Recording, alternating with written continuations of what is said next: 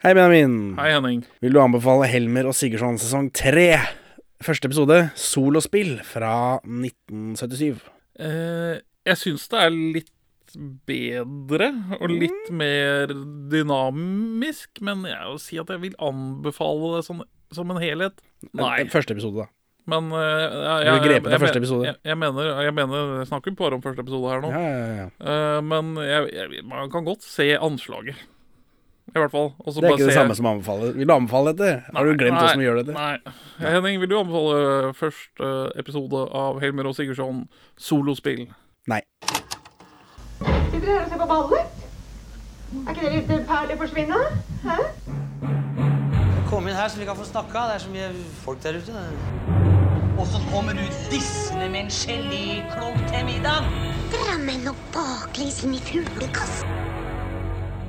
Dette her er jo perleforsvinn!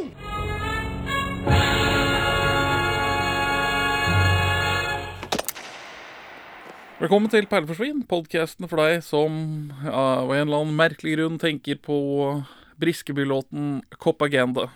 Fordi dette Altså This is Copaganda.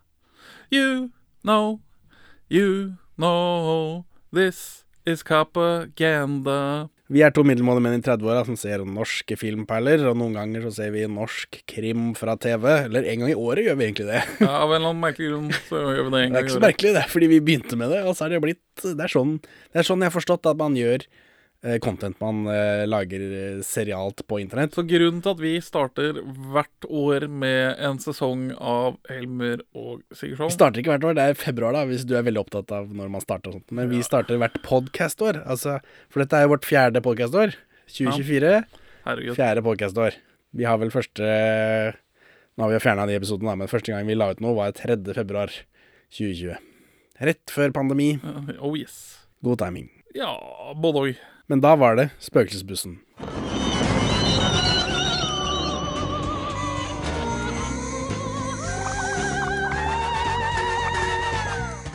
Ja. Ja, Så- Den siste Helmer og Sigurdsson-episoden. TV-filmen. For det er bare én TV-film. ja. Og så har vi gått bakover, da.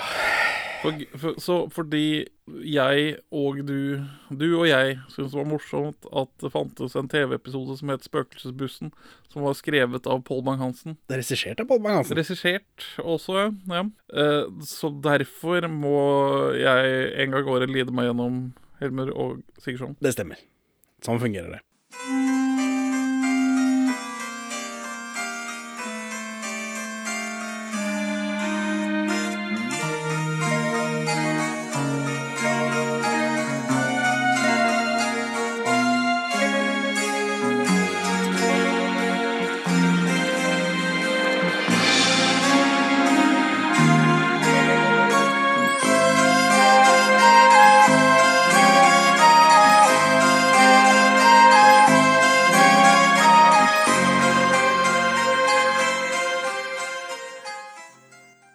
Helmer sånn vi snakker vel egentlig det vi trenger om bakgrunnen og sånn, og forgrunnen egentlig. Det var jo planlagt noe sånn Kanskje vi skal ha enda en film ut på 2000-tallet eller noe sånt nå, med For da skulle Sigurdsson skulle ha en ny assistent som het Selmer, og så skulle Helmer være pensjonist og bry seg. Eh, Men det ble aldri noe av. Nei, vi snakker vel om dette for et par Helmer og Sigurdsson-episoder tilbake. Og når vi blir en stor podkast og blir kjøpt opp en av disse store podcast-tjenestene, så da, jeg, da kan vi f.eks. arrangere en sånn table read, hvor vi får norske skuespillere til å sitte rundt et bord og fantastisk. lese dette manuset, og så kan vi snakke om det etterpå på en scene. Nydelig. Nå er jo Anders Hatlo i alder eh, som eh, pensjonist, eller pensjonist som eh, stikker nesa inn i saker-alder. Så det er fortsatt mulig. Ja, man trenger bare bytte litt om på det. Men det er ikke noen grunn til å ikke gjøre det, annet enn at eh, alt av Helmer Sigurdsson er veldig dårlig.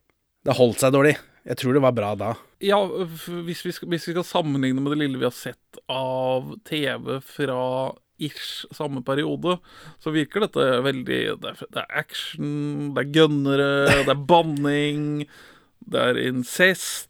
Store kraver. Det er incest i flere av disse, egentlig. Er det det?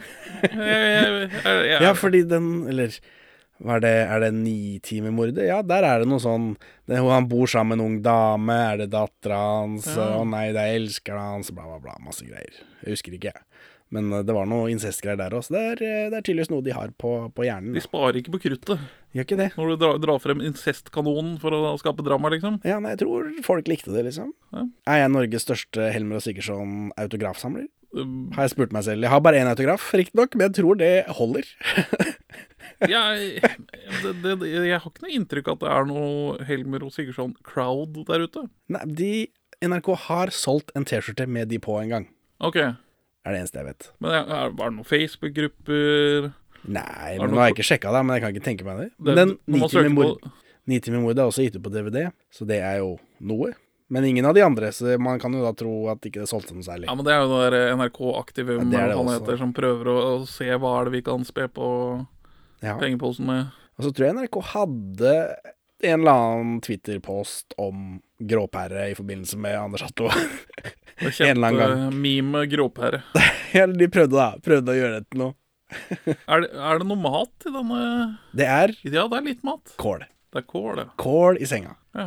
Han rømmer på et tidspunkt fra dette gartneriet, og så drar de over, opp bort dyna, for de tror han ligger der, og så er det bare masse kålhoder. Og det er godt nok for meg.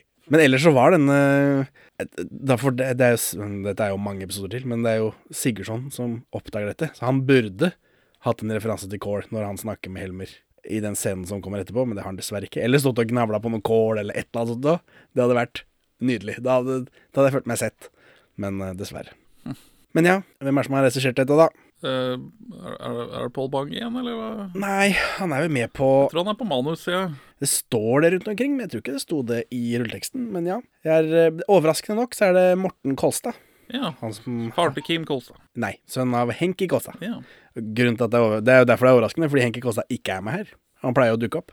ja, for å leverage his star power. Ja, eller noe sånt. Jeg vet ikke hvorfor, jeg. Eller, det er jo derfor. Men det er han som har uh, regissert De blå ulvene.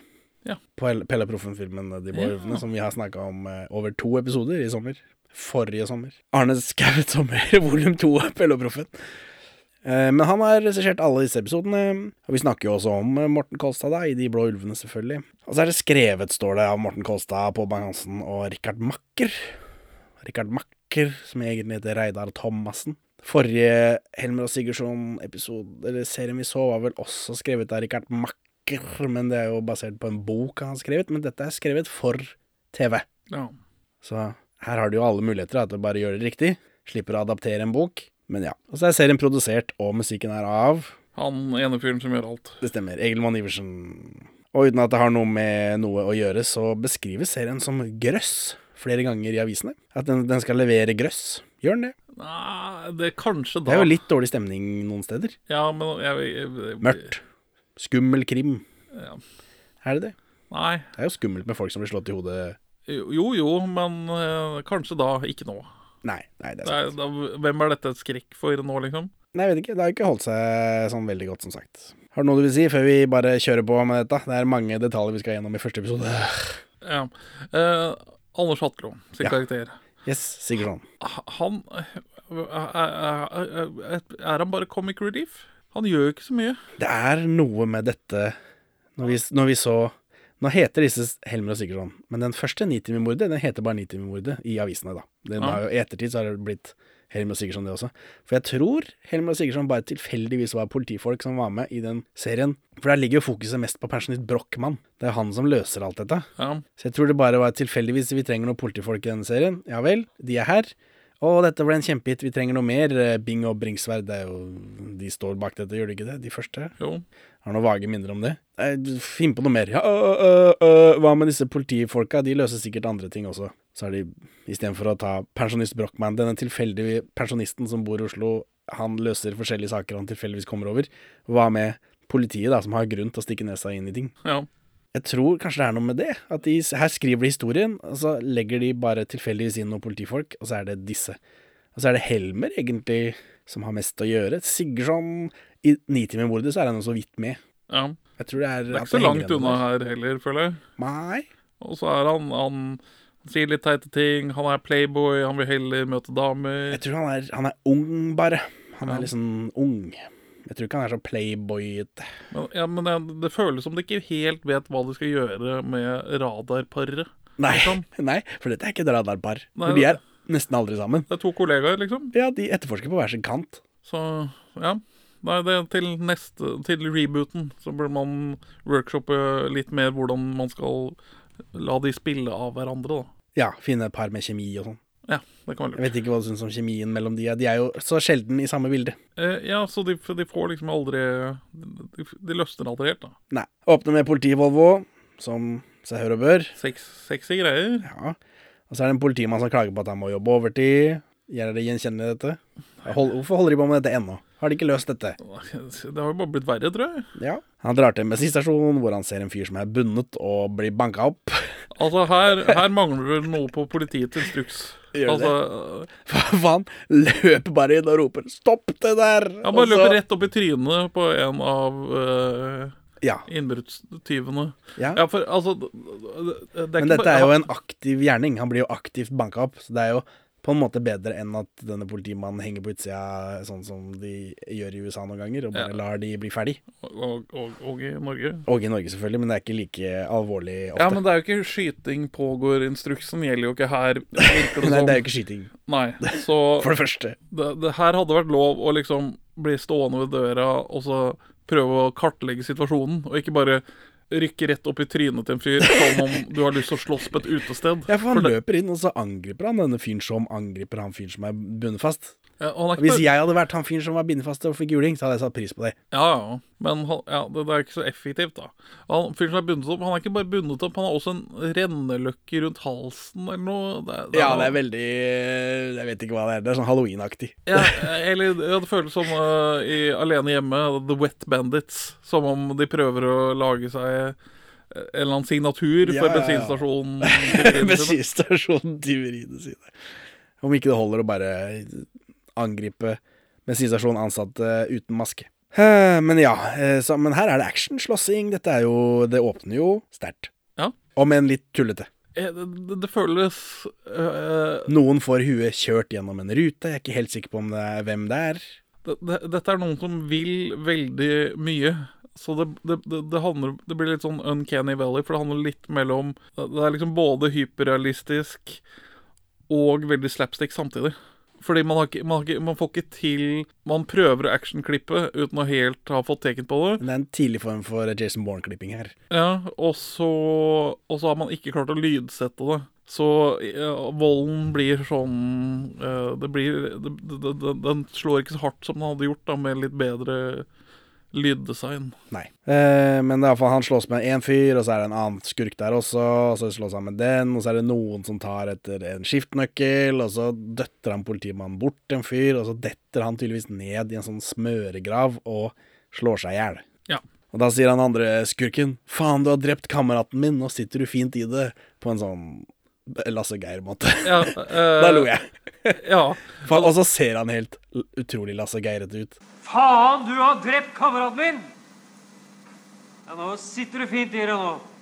Uh, også, men det at han tar dette metaperspektivet på konflikten Ja, oppi nå sitter du videre. Ja, du drepte kameraten min, perfekt. Nå skal jeg gå til retten og få noe ut av dette. Ja. Det er det første han tenkte mens han er midt i en blodig konflikt. Ja, for eh, volden bare stopper etter at han er drept. Det er bare sånn, ja, nå må vi Nå er det timeout. Ja, for alle er sjokkerte da. Jeg vet ikke. Det er jo sånn Ja. De bare de slåss hele tiden. Og så når, noe, når det plutselig er noe alvorlig, så ah, fuck, nå stopper alt. Men det er liksom han drar opp en lovbok og viser til dette. altså, det, det, det, det, er, det er en interessant brekksladd på- rett etter denne actionsekvensen. Så bare Ja. Ja, det er for å sette liksom på dette er viktig, da. I bakgrunnen til den serien. Og, og hvilket år var dette igjen? 77, vel. Ja, og da, da, det, det, da Dette er jo en periode hvor politivold er i vinden. Det er mye politivold, og politiet Det belyses, men politiet finner det for godt for å slutte med det. Eh, og det, det ser vi jo i andre filmer i perioden, og, og for eksempel i At dere tør. Men at dere tør er dette ungdomsopprøret, da. Dette er jo eh, Det er jo The Man som lager dette. Dette er NRK. Eller dette, Egil Iversen da, og NRK som lager dette. for dette er jo propaganda. Altså, det er ikke kommune. Nei, for dennes Ja, ja, ja vi bare fortsetter, gjør vi ikke det? Jo, jo. For nå kommer den der ekle Helmer og Sigurdsson-sirkusmusikken som jeg ikke liker. Nei, og har de lagt til en eller annen, eh, et eller annet blåseinstrument på den når den bruker seinere i episoden? Mm, ja, det har jeg ikke lagt merke til, i hvert fall. spenningsgreia. Altså, I hvert fall en gang den brukes, så Det er hender det er noe litt sånn mer jazzete i det. Ja, Men jeg tror ikke, jeg vet ikke om det er blås eller det har jeg ikke lagt merke til. Men den, dette er iallfall introen, da. Så nå får vi liksom Nå skjer det noe. Eh, og så er denne politimannen fra i stad, som er morder. Politimorderen. ja. Morderpolitiet. Politimorder. Hva er riktig? Politimorder er vel en fyr som dreper Ja. politiet. Det er korrekt. Så, Mens en morderpoliti er en politi som dreper. ja. Ok. Eh, han har iallfall nå eh, falskt skjegg og sitter og maler. Ja. Men dette er senere, da, så det skjegget skal være ekte. Det bare ser ut som han har klippet ut av noen av blad og har lim på seg. Ja, det er mulig, mulig at det er det som får han til å ligne på Lars Mjøen. For jeg får noe sånn øh, Hva er det Lars Mjø- Mjøen gjør i den serien? Og det er vel det falske skjegget som jeg har sett Lars Mjøen mye Ja, i. da som, ja, det er klart, fordi vi trigger. driver jo og krysser dette med Brødrene Dal. ja. Ja, det er klart. Det er klart, Han sitter og maler, han har fått sparken. Det måtte statueres et eksempel, sies det, for å få slutt på politivolden. Ja, for det, det her mister serien meg helt. Dette hadde aldri skjedd. At politiet må stå til Stakkars rette. politimann som har Han har jo bare drept en fyr. Og, og, og En fyr som aktivt dreper en annen fyr, da. Eller altså banker opp en ja, annen men, fyr. men det For, for så vidt umulig for oss å vite, og han som bare løper inn i det. Alvorlighetsgraden til denne fyren med renneløkker rundt halsen. Ja, men uh, sånn vi vis, det vises, så er det vel ikke politimannens skyld at han dør. Nei, nei, nei. nei. Så det, så, Han liksom, sparker han jo bare unna idet han skal til å Eller den skurken skal jo drepe denne politimannen med skiftenøkkelen eller sånt, noe, og så sparker han han unna, og så snubler han bakover og detter ned i den graven, slår seg i hjel. så øh, politivold er urettferdig at politiet dømmes for, for det og får Stemmer. konsekvenser. Og det er bare sånn Det er bare helt på trynet. Ja, for den andre skurken, da, han derre Du har drept kameraten min, og sitter du fint i det, fyren. Han var eneste vitne, og så videre og så videre. Ja, for, for det, det, er de, det, er de, det er jo dem retten bryr seg mest om. ja. Det er skurkevitnene. Ja. Mens politi, politiets vitnesprov er bare sånn Nei, dette slenger vi bare til side. Det er bare Hvilket Fantasi-Norge er det her? Hæ? ja det Faen for piss. Snut er ut. Purk, purk, sur agurk. Presentere Thomas Giertsen. Eh, så klager han over at NUF er ute på klubb med de andre jentene i ukebladet. Hva er NUF? Umulig å vite. Ny scene. Politibil kjører forbi NUF, som viser seg å være en kvinne, og Lars Andreas Larsen, som er ute og fyllekjører, virker det som. Hva var det du kalte han i stad? Playboy Playboy-advokaten Lars Andreas Men det er ikke jeg som kaller han det, serien kaller han Ja. det. det Typecast er han ikke. Nei. For han her òg, han er gråaktig i håret, eller? Jo da, jo da, han har gubbe... Han røyker jo som en skorstein, antar jeg, gjennom hele livet sitt, for han ser iallfall sånn ut. Ja. Ja, nei, Han er ikke den første jeg tenker på, men det er kanskje noe med attityden hans. da Han har jo en veldig attityd, han er jo tross alt bergenser. Ja. Eh, Nuff og Lars Andreas Larsen de forteller til hverandre hva de heter og sånt noe, så vi som ser på, får det med oss. Det, det er bra. Eh, de driver og skriver noen artikler eller noe, eh, og så kjører de av gårde med lyset på inni bilen, så vi som er på utsiden av bilen, skal se de. For det er jo ingen som kjører med lyset på inni bilen, for da ser du ikke noe ut. Ja, det er en myte drevet av fedre opp igjennom. Altså, jeg har jo eh, bil. Det har jo ikke du. Så jeg tror Jeg du bare skal holde har, jeg har hatt bil. Tror du bare skal holde kjeften din. Har hatt bil. Lars Andreas er uten dialekt, forresten. Bare så vi noterer det. Når han har og ikke har dialekt, og hva som skjer med den. Har, han har jo en form for dialekt. Jo, Han har ikke bergenserdialekten sin, da. Herregud. Han har ikke en Truve Dre Jeg er Lars Andreas Larsen, jeg er Playboy-advokat. Han, det tror de Han er jo broren til Trude Drevland, så han er litt finere enn akkurat det der. Ja, det kan være. I Bergen har vi paraplyautomat. Det, Ja, Bergenser det har jeg aldri øvd på, kjenner jeg. Nei, ikke jeg heller. Er det rasistisk? Er vi rasistiske nå? Nei. sparke oppover. Bergensere. Du bruker for mye temperament. Du kunne roe deg litt mer. Du må disiplinere deg for å få Faen ikke tålmodighet til dette her. Oh, da. Etter hva enn de har drevet med, for det vet vi egentlig ikke, så går de opp til Lars Andreas for å pøke, antar jeg. Lars Andreas er kritisk til denne morderpolitimannen, og det er jo gøy, da. Gøy, gøy, gøy. Ja, han har jo rett. Men han er en skurk og en douchebag. Så Ja. man assosierer det å være skeptisk til politi, og spesielt da mørderpoliti, det er da noe som slemme og dårlige mennesker driver med. Det stemmer. Lars Andreas ser jo blek og døende ut, men det er vel en konsekvens av denne livslange røykingen, antar jeg. Det har ikke noe med serien å gjøre. Så kommer det en fyr på døra og sier at han ikke har noe penger til Lars Andreas. Eh, Og når han er ferdig med det, så ringer de telefonen. Og dette har de her Før i scenen så sier de at det er klokka ett på natta. Ja. Hvorfor kommer det folk på døra klokka ett på natta? Hvorfor ringer du telefonen klokka ett på natta? Lysskyaktivitet, da. Men, men rett før det kommer denne fyren og ikke har penger til å betale tilbake Lars Andreas Larsen, så har jo Lars Andreas Larsen snakket om at han driver og kommer med informasjon for å avsløre aktører i det grå pengemarkedet i Norge. Men du, Lars Andreas Larsen, er jo en storhai i det grå pengemarkedet i Norge. Ja, men det er jo lurt, da. Å, å, å avsløre de andre. Det er sant. NUF lurer på hvem artiklene de skriver handler om, for de skriver artikler, spesifikke artikler om ting som skjer på ordentlig, men bruker bare pseudonymer på alt.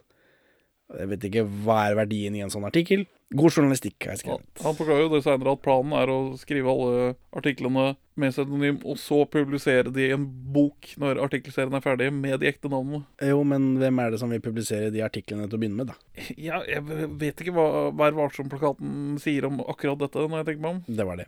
Lars Andreas spiller Playboy-advokaten Benny Larang. Benny, Playboy-Benny, det er deg, det. Oh, Benjamin. For det er vel en lorang, lo, lorangeslekt her i Norge, er det ikke det? Med noen keksefolk? Er det? Lorang er et fornavn, så jeg fant ikke noe på det.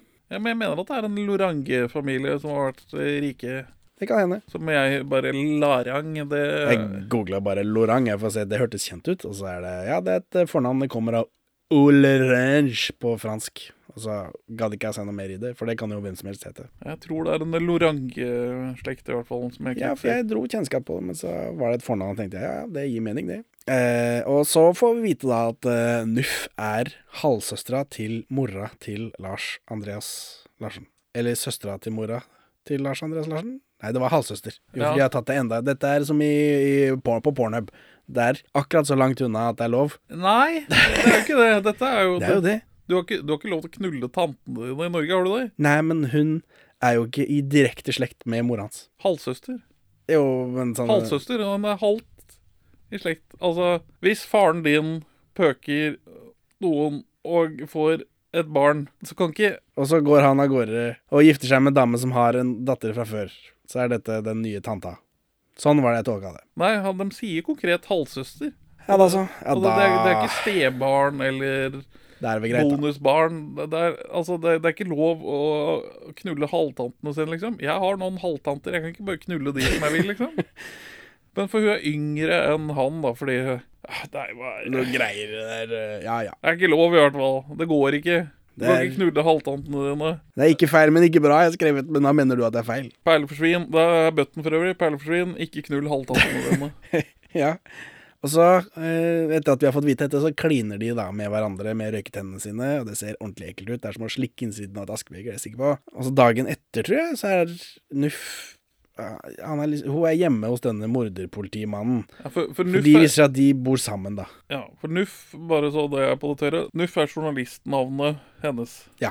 For, for det drar jeg kjensel på etter å ha dratt gjennom en del gamle norske aviser og sånn, at en og annen journalist heter noe kjempeteit. Dinkel Robertsen, journalisten. Rocambole, han som skrev den der. den forsvunne pølsemakeren. Dette, dette, dette, dette er noe norskt. Dette drar jeg kjensel på. Men nå er hun hjemme da, hos uh, Mørdarpolitiet, for de skal i bursdag til onkel Alex Larang. Ja. Uh, Mørdarpolitiet er ikke noen fan av Benny, men hele slekta kommer. Så er det noen som ringer. Og politimørderen sier at det var noen som ringte feil, men du og jeg som ser på, vi vet bedre. Dun, dun, dun. Her er det noe muffikt. Så er det plutselig et svømmebasseng. Lars Andreas svømmer rundt. Helmer er også der. Så nå får vi se Helmer, da, typ ti minutter inn i denne episoden. Og ingen av dem er spesielt gode til å holde, seg, holde hodet over vannet mens de Skuespiller. Ja. Så Scenen avsluttes vel med at Med at de drukner i hver sin ende. Andreas Larsen må spytte ut deler vannet han har inntatt, mens han har prøvd å holde seg flytende. Han er en radmager fyr, altså, men jeg klarer å holde hodet bedre over vann mens jeg snakker med noen i et basseng enn dette. Dette er i det hele tatt en veldig rar sekvens å ha, at disse to skal møtes tilfeldig mens de er og svømmer. Det er et rart valg. Det er det er masse bare-. Det er, det er kleint. Ja, det svømminga tenker du på? Fordi dette har jo ikke noe spesielt Altså, Playboy Benny Larang er, jo, eh, Larang er jo en kjendis. Dette er bare for å etablere at eh, Helmer vet hvem han er, men han er jo en kjendis. Hvem som helst. Eller, altså. Ja, også, Vi trenger ikke å treffe hverandre for å vite hvem en kjendis er. så bruker Benny, Benny Larang her Han bruker jo dette for å disse dette korrupte politiet. For dette, dette, det impliseres at dette badestedet er et keksebadested. Ja, fordi det Helmer har fått dette i noe sånn års sånn lotteripremie for politiet. Så dette var tredje, tredje eh, premie i julelotteriet til politiet. Så nei, han var ikke korrupt.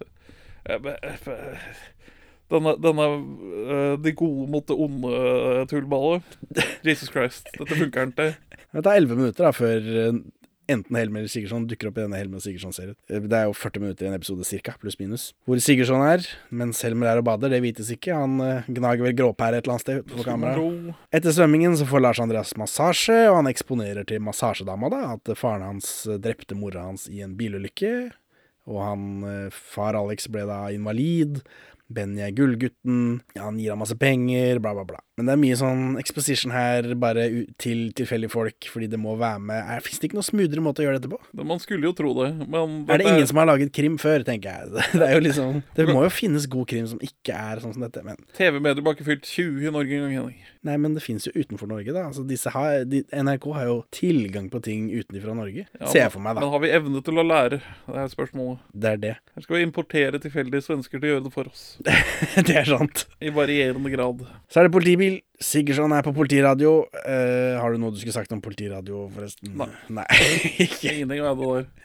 Han, han sier Helmer avspaserer, og at det ikke er noe problem uh, At det ikke er noe problem som han kan fikse alene. Altså, hvorfor kan ikke jeg fikse dette alene? Han, Hel Helmer avspaserer jo. For, for politiet de dømmes urettferdig for drap og politivold. Ja, men det var noe politivold i forrige serie nå. Og, og politiet har for lite penger til å utføre alle de gode, flotte oppgavene de gjør. Ja, samtidig som det er en fyr som kjører Sigurdsson, da. For det er ikke han som kjører. Så hvem vet. Og det var I forrige serie også så var det noe politivold, for da slår vel Helmer han eh, pornomannen, Ja. tror jeg. Har det ikke noen greier der? Og så er det noen journalister, og det er, sånn, det er, det er like ille. Oppe i en leilighet, da, så er det noen politifolk der som driver og dirker en dør. Det er døra til en disponent, som det viser seg at han har tatt livet av seg. Hva er en disponent, Benjamin? Jeg vet ikke. Det er en daglig leder av en bedrift, ifølge Store norske leksikon. Det er et Nei. ord som ikke brukes så ofte lenger. Nei. Masse folk samler seg utenfor bygget. Lars Andreas kommer i noe grusom 70-tallsmote. Han sier at det var synd at denne fyren drepte seg, men jeg tror ikke han mener det. Det viser seg at dette er han fyren som var på døra hans på natta mens han skulle feie over tanta si. Men det kobla ikke jeg. Det Halvtante. Halvtante, beklager. For da er det ikke lov. Heller. Jeg tror det er like lite lov, men man har prøvd å dra denne Pornhub bak veien. Men hva om hun sitter fast i tørketrommelen, da? Det er sant. Av og til glemmer jeg at du er tanten min. Kanskje fordi du ikke er noen eh, tantetype. Jeg er jo ikke tanten din heller, men eh, halvsøster til din mor, hva nå det heter. Ingen hindringer, altså. Eh, og så er det denne mørderpolitimannen. Han sitter i bilen med NUF eh, og ser tilfeldigvis Helmer, som står og ser på noen båtgreier i et butikkvindu. Dette er en helt atskilt scene, har ikke noe med noe å gjøre. Det er mye på vinteren, dette. Litt utenfor båtsesongen, så jeg er ikke helt sikker på hva greia er med det. Men dette med at Helmer vil ha båt, det er gjennomgående. Ja, hvorfor er det det? Eh, vet ikke. Er det sånn båtfolk holder på, du som kommer fra båtfolk? Garantert. De elsker båt, det er båt hele tida, de vil ha større og større båt, alltid. Så det stemmer jo for så vidt, det er true to life. Men det er jo for å gi han litt farge, da. Noe vi mangler i Sigurdsson, spør du meg. Og det er litt plagsomt, men eh, Ja. Og så får vi mer exposition, da. Fra en person til en annen, hvor de bare snakker sammen. Om familien Larang. Alex har to sønner med én dame, og så Benny med en yngre dame, som er Nufs eldre søster. Eh, morderpolitiet har verdens verste falske skjegg. Og de har akkurat møtt hverandre, eller? Nuff og denne mørderpolitiet, siden denne historien kommer nå. Siden hun nå forteller slektskapet De har ikke akkurat møtt hverandre, men, men det er rart at det kommer de, det, det, er, det er klumsete gjort. Ja. er de gift, de, altså Nei, for nå skal det jo liksom til han Det er første gangen han treffer Alex Larang, Ja. virker det som. Så han, Ja. det er sånn passe nytt, men ikke nytt nok til at ikke hun har fått, syns jeg, da, burde fortalt eh, hvem hun er i slekt med. på at ugift samboerskap er uh, sosialt akseptabelt å vise på norsk TV, det er jo ikke blitt ti år engang på dette. Så jeg skjønner at de ikke helt har mestra formen. Så er vi hjemme hos eh, disse rikingene. Er Brødrene Herman og Christian er der, de snakker dritt til hverandre. Herman Larang så i forrige Helmer og Sigurdsson. eh, Han spiller en sånn psykiater Ja, som snakker om eh, at folk som er impotente, kan drepe sekretærer. Er det ikke en av dem som er psykiater, da? Jo, det er han.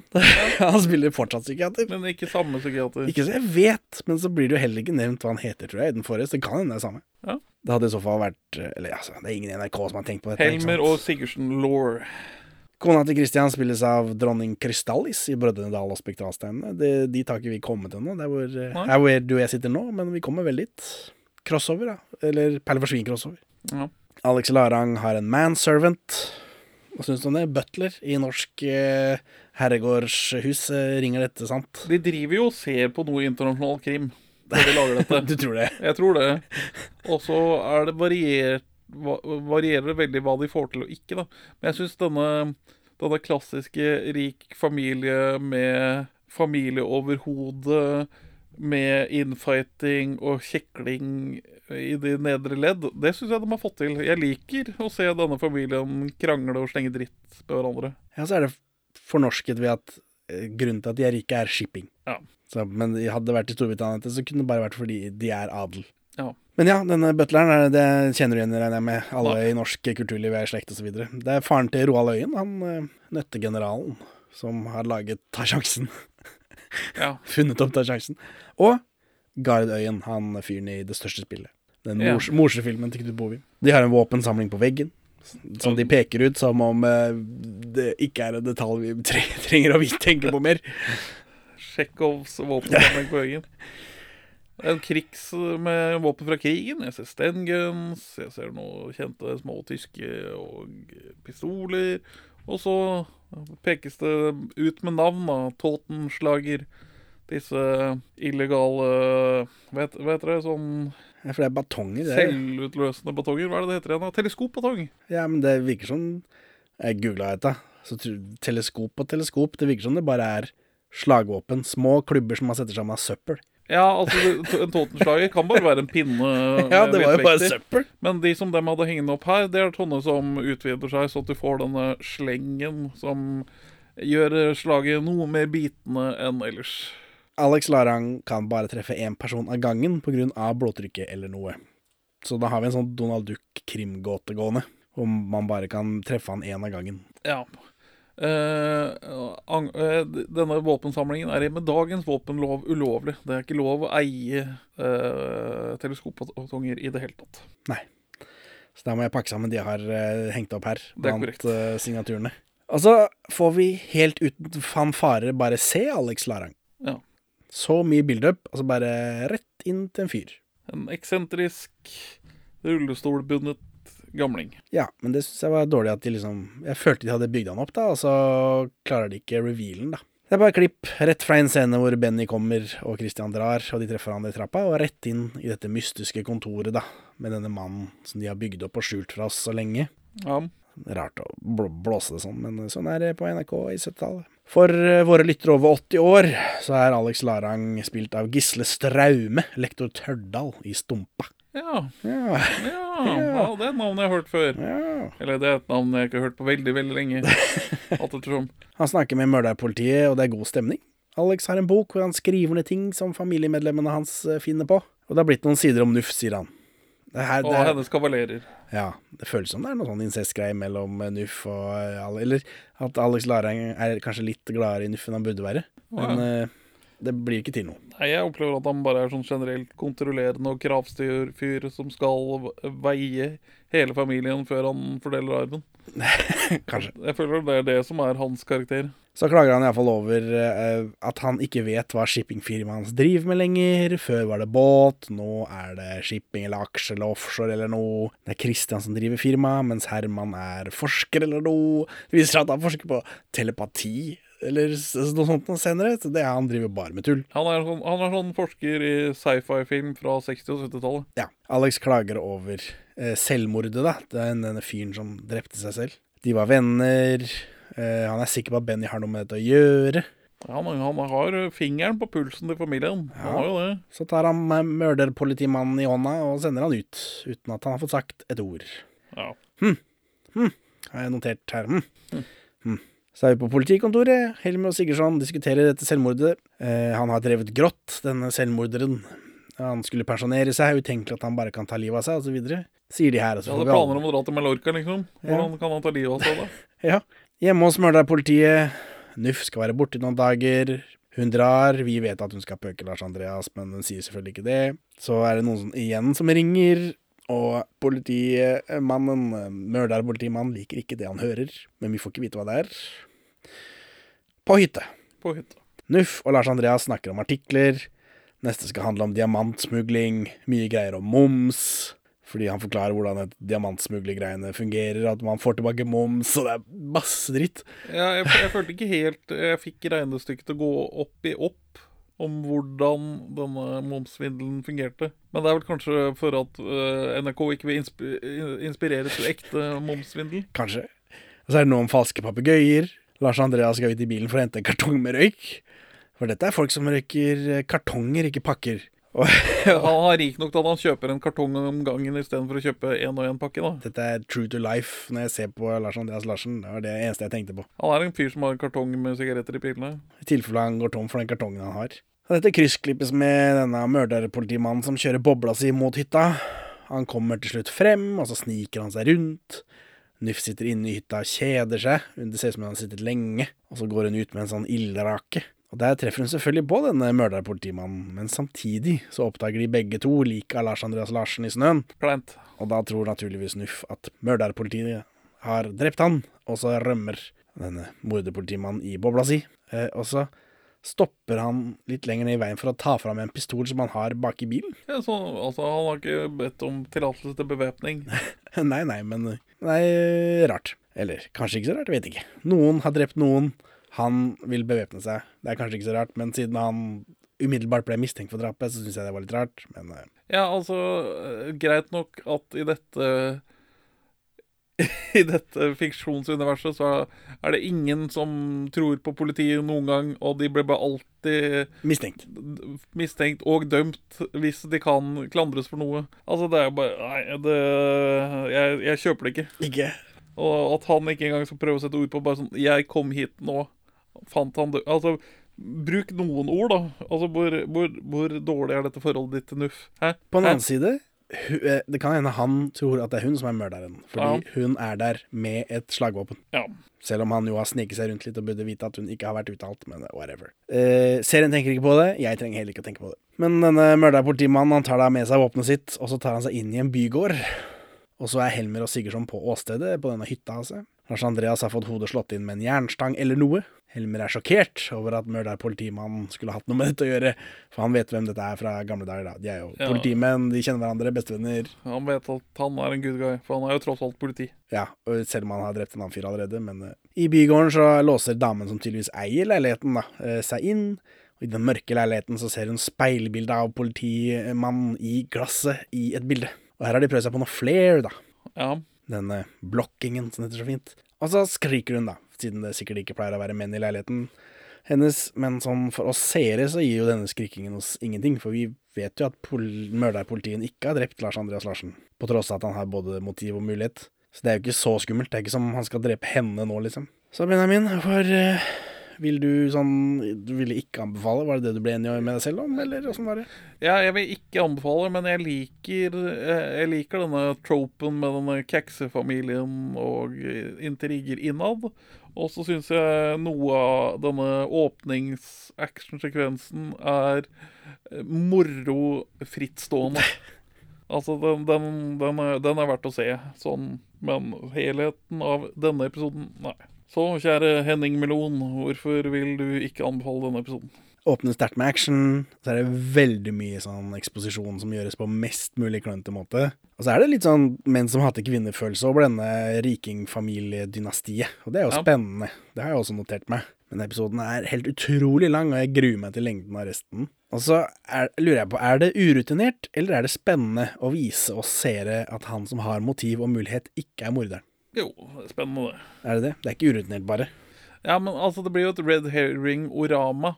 Og da, nå har vi da sett disse tre episodene før vi snakker om disse, så det, Ikke sniking. Æ, æ. Spar det til Spar det til neste, neste episode. Spar det til siste episode. Siste episode, si. ja, Da skal jo alt nøstes opp, men sånn er det med alle krimmer. Men ja, Hvis ikke du har et godt poeng, da, selvfølgelig. Svindlerkrim. Dette er svindlerkrim. Etter en episode, Benjamin, har du notert deg hvem morderen kan være? Noen i familien. Det etter, Her på femteplass da, så gjetter jeg at morderen er han fyren som sladra på politimannen til å begynne med. Ja, gøy. Morsomt. Han bare, han bare vil bare fortsette å sette opp han politimannen Ja. inn i evigheten. Ja. og fjerde til andreplass, det vet jeg ikke. Og så på førsteplass er det noen som ikke er introdusert ennå. Det, det, det er de jeg tipper på. Ehm, det er eh, noe humor i disse gjetningene, selvfølgelig, men jeg hadde ikke blitt overraska om det er noen av de. Ja. Ha det bra, Benjamin. Farvel, Henning. Takk for at du hører på Perler for svin. Vi er tilgjengelige på alle sosiale medier under ymse varianter av Perler for svin-navnene. Se episodebeskrivelsen for nøyaktig navn til ditt foretrekkende sosiale media.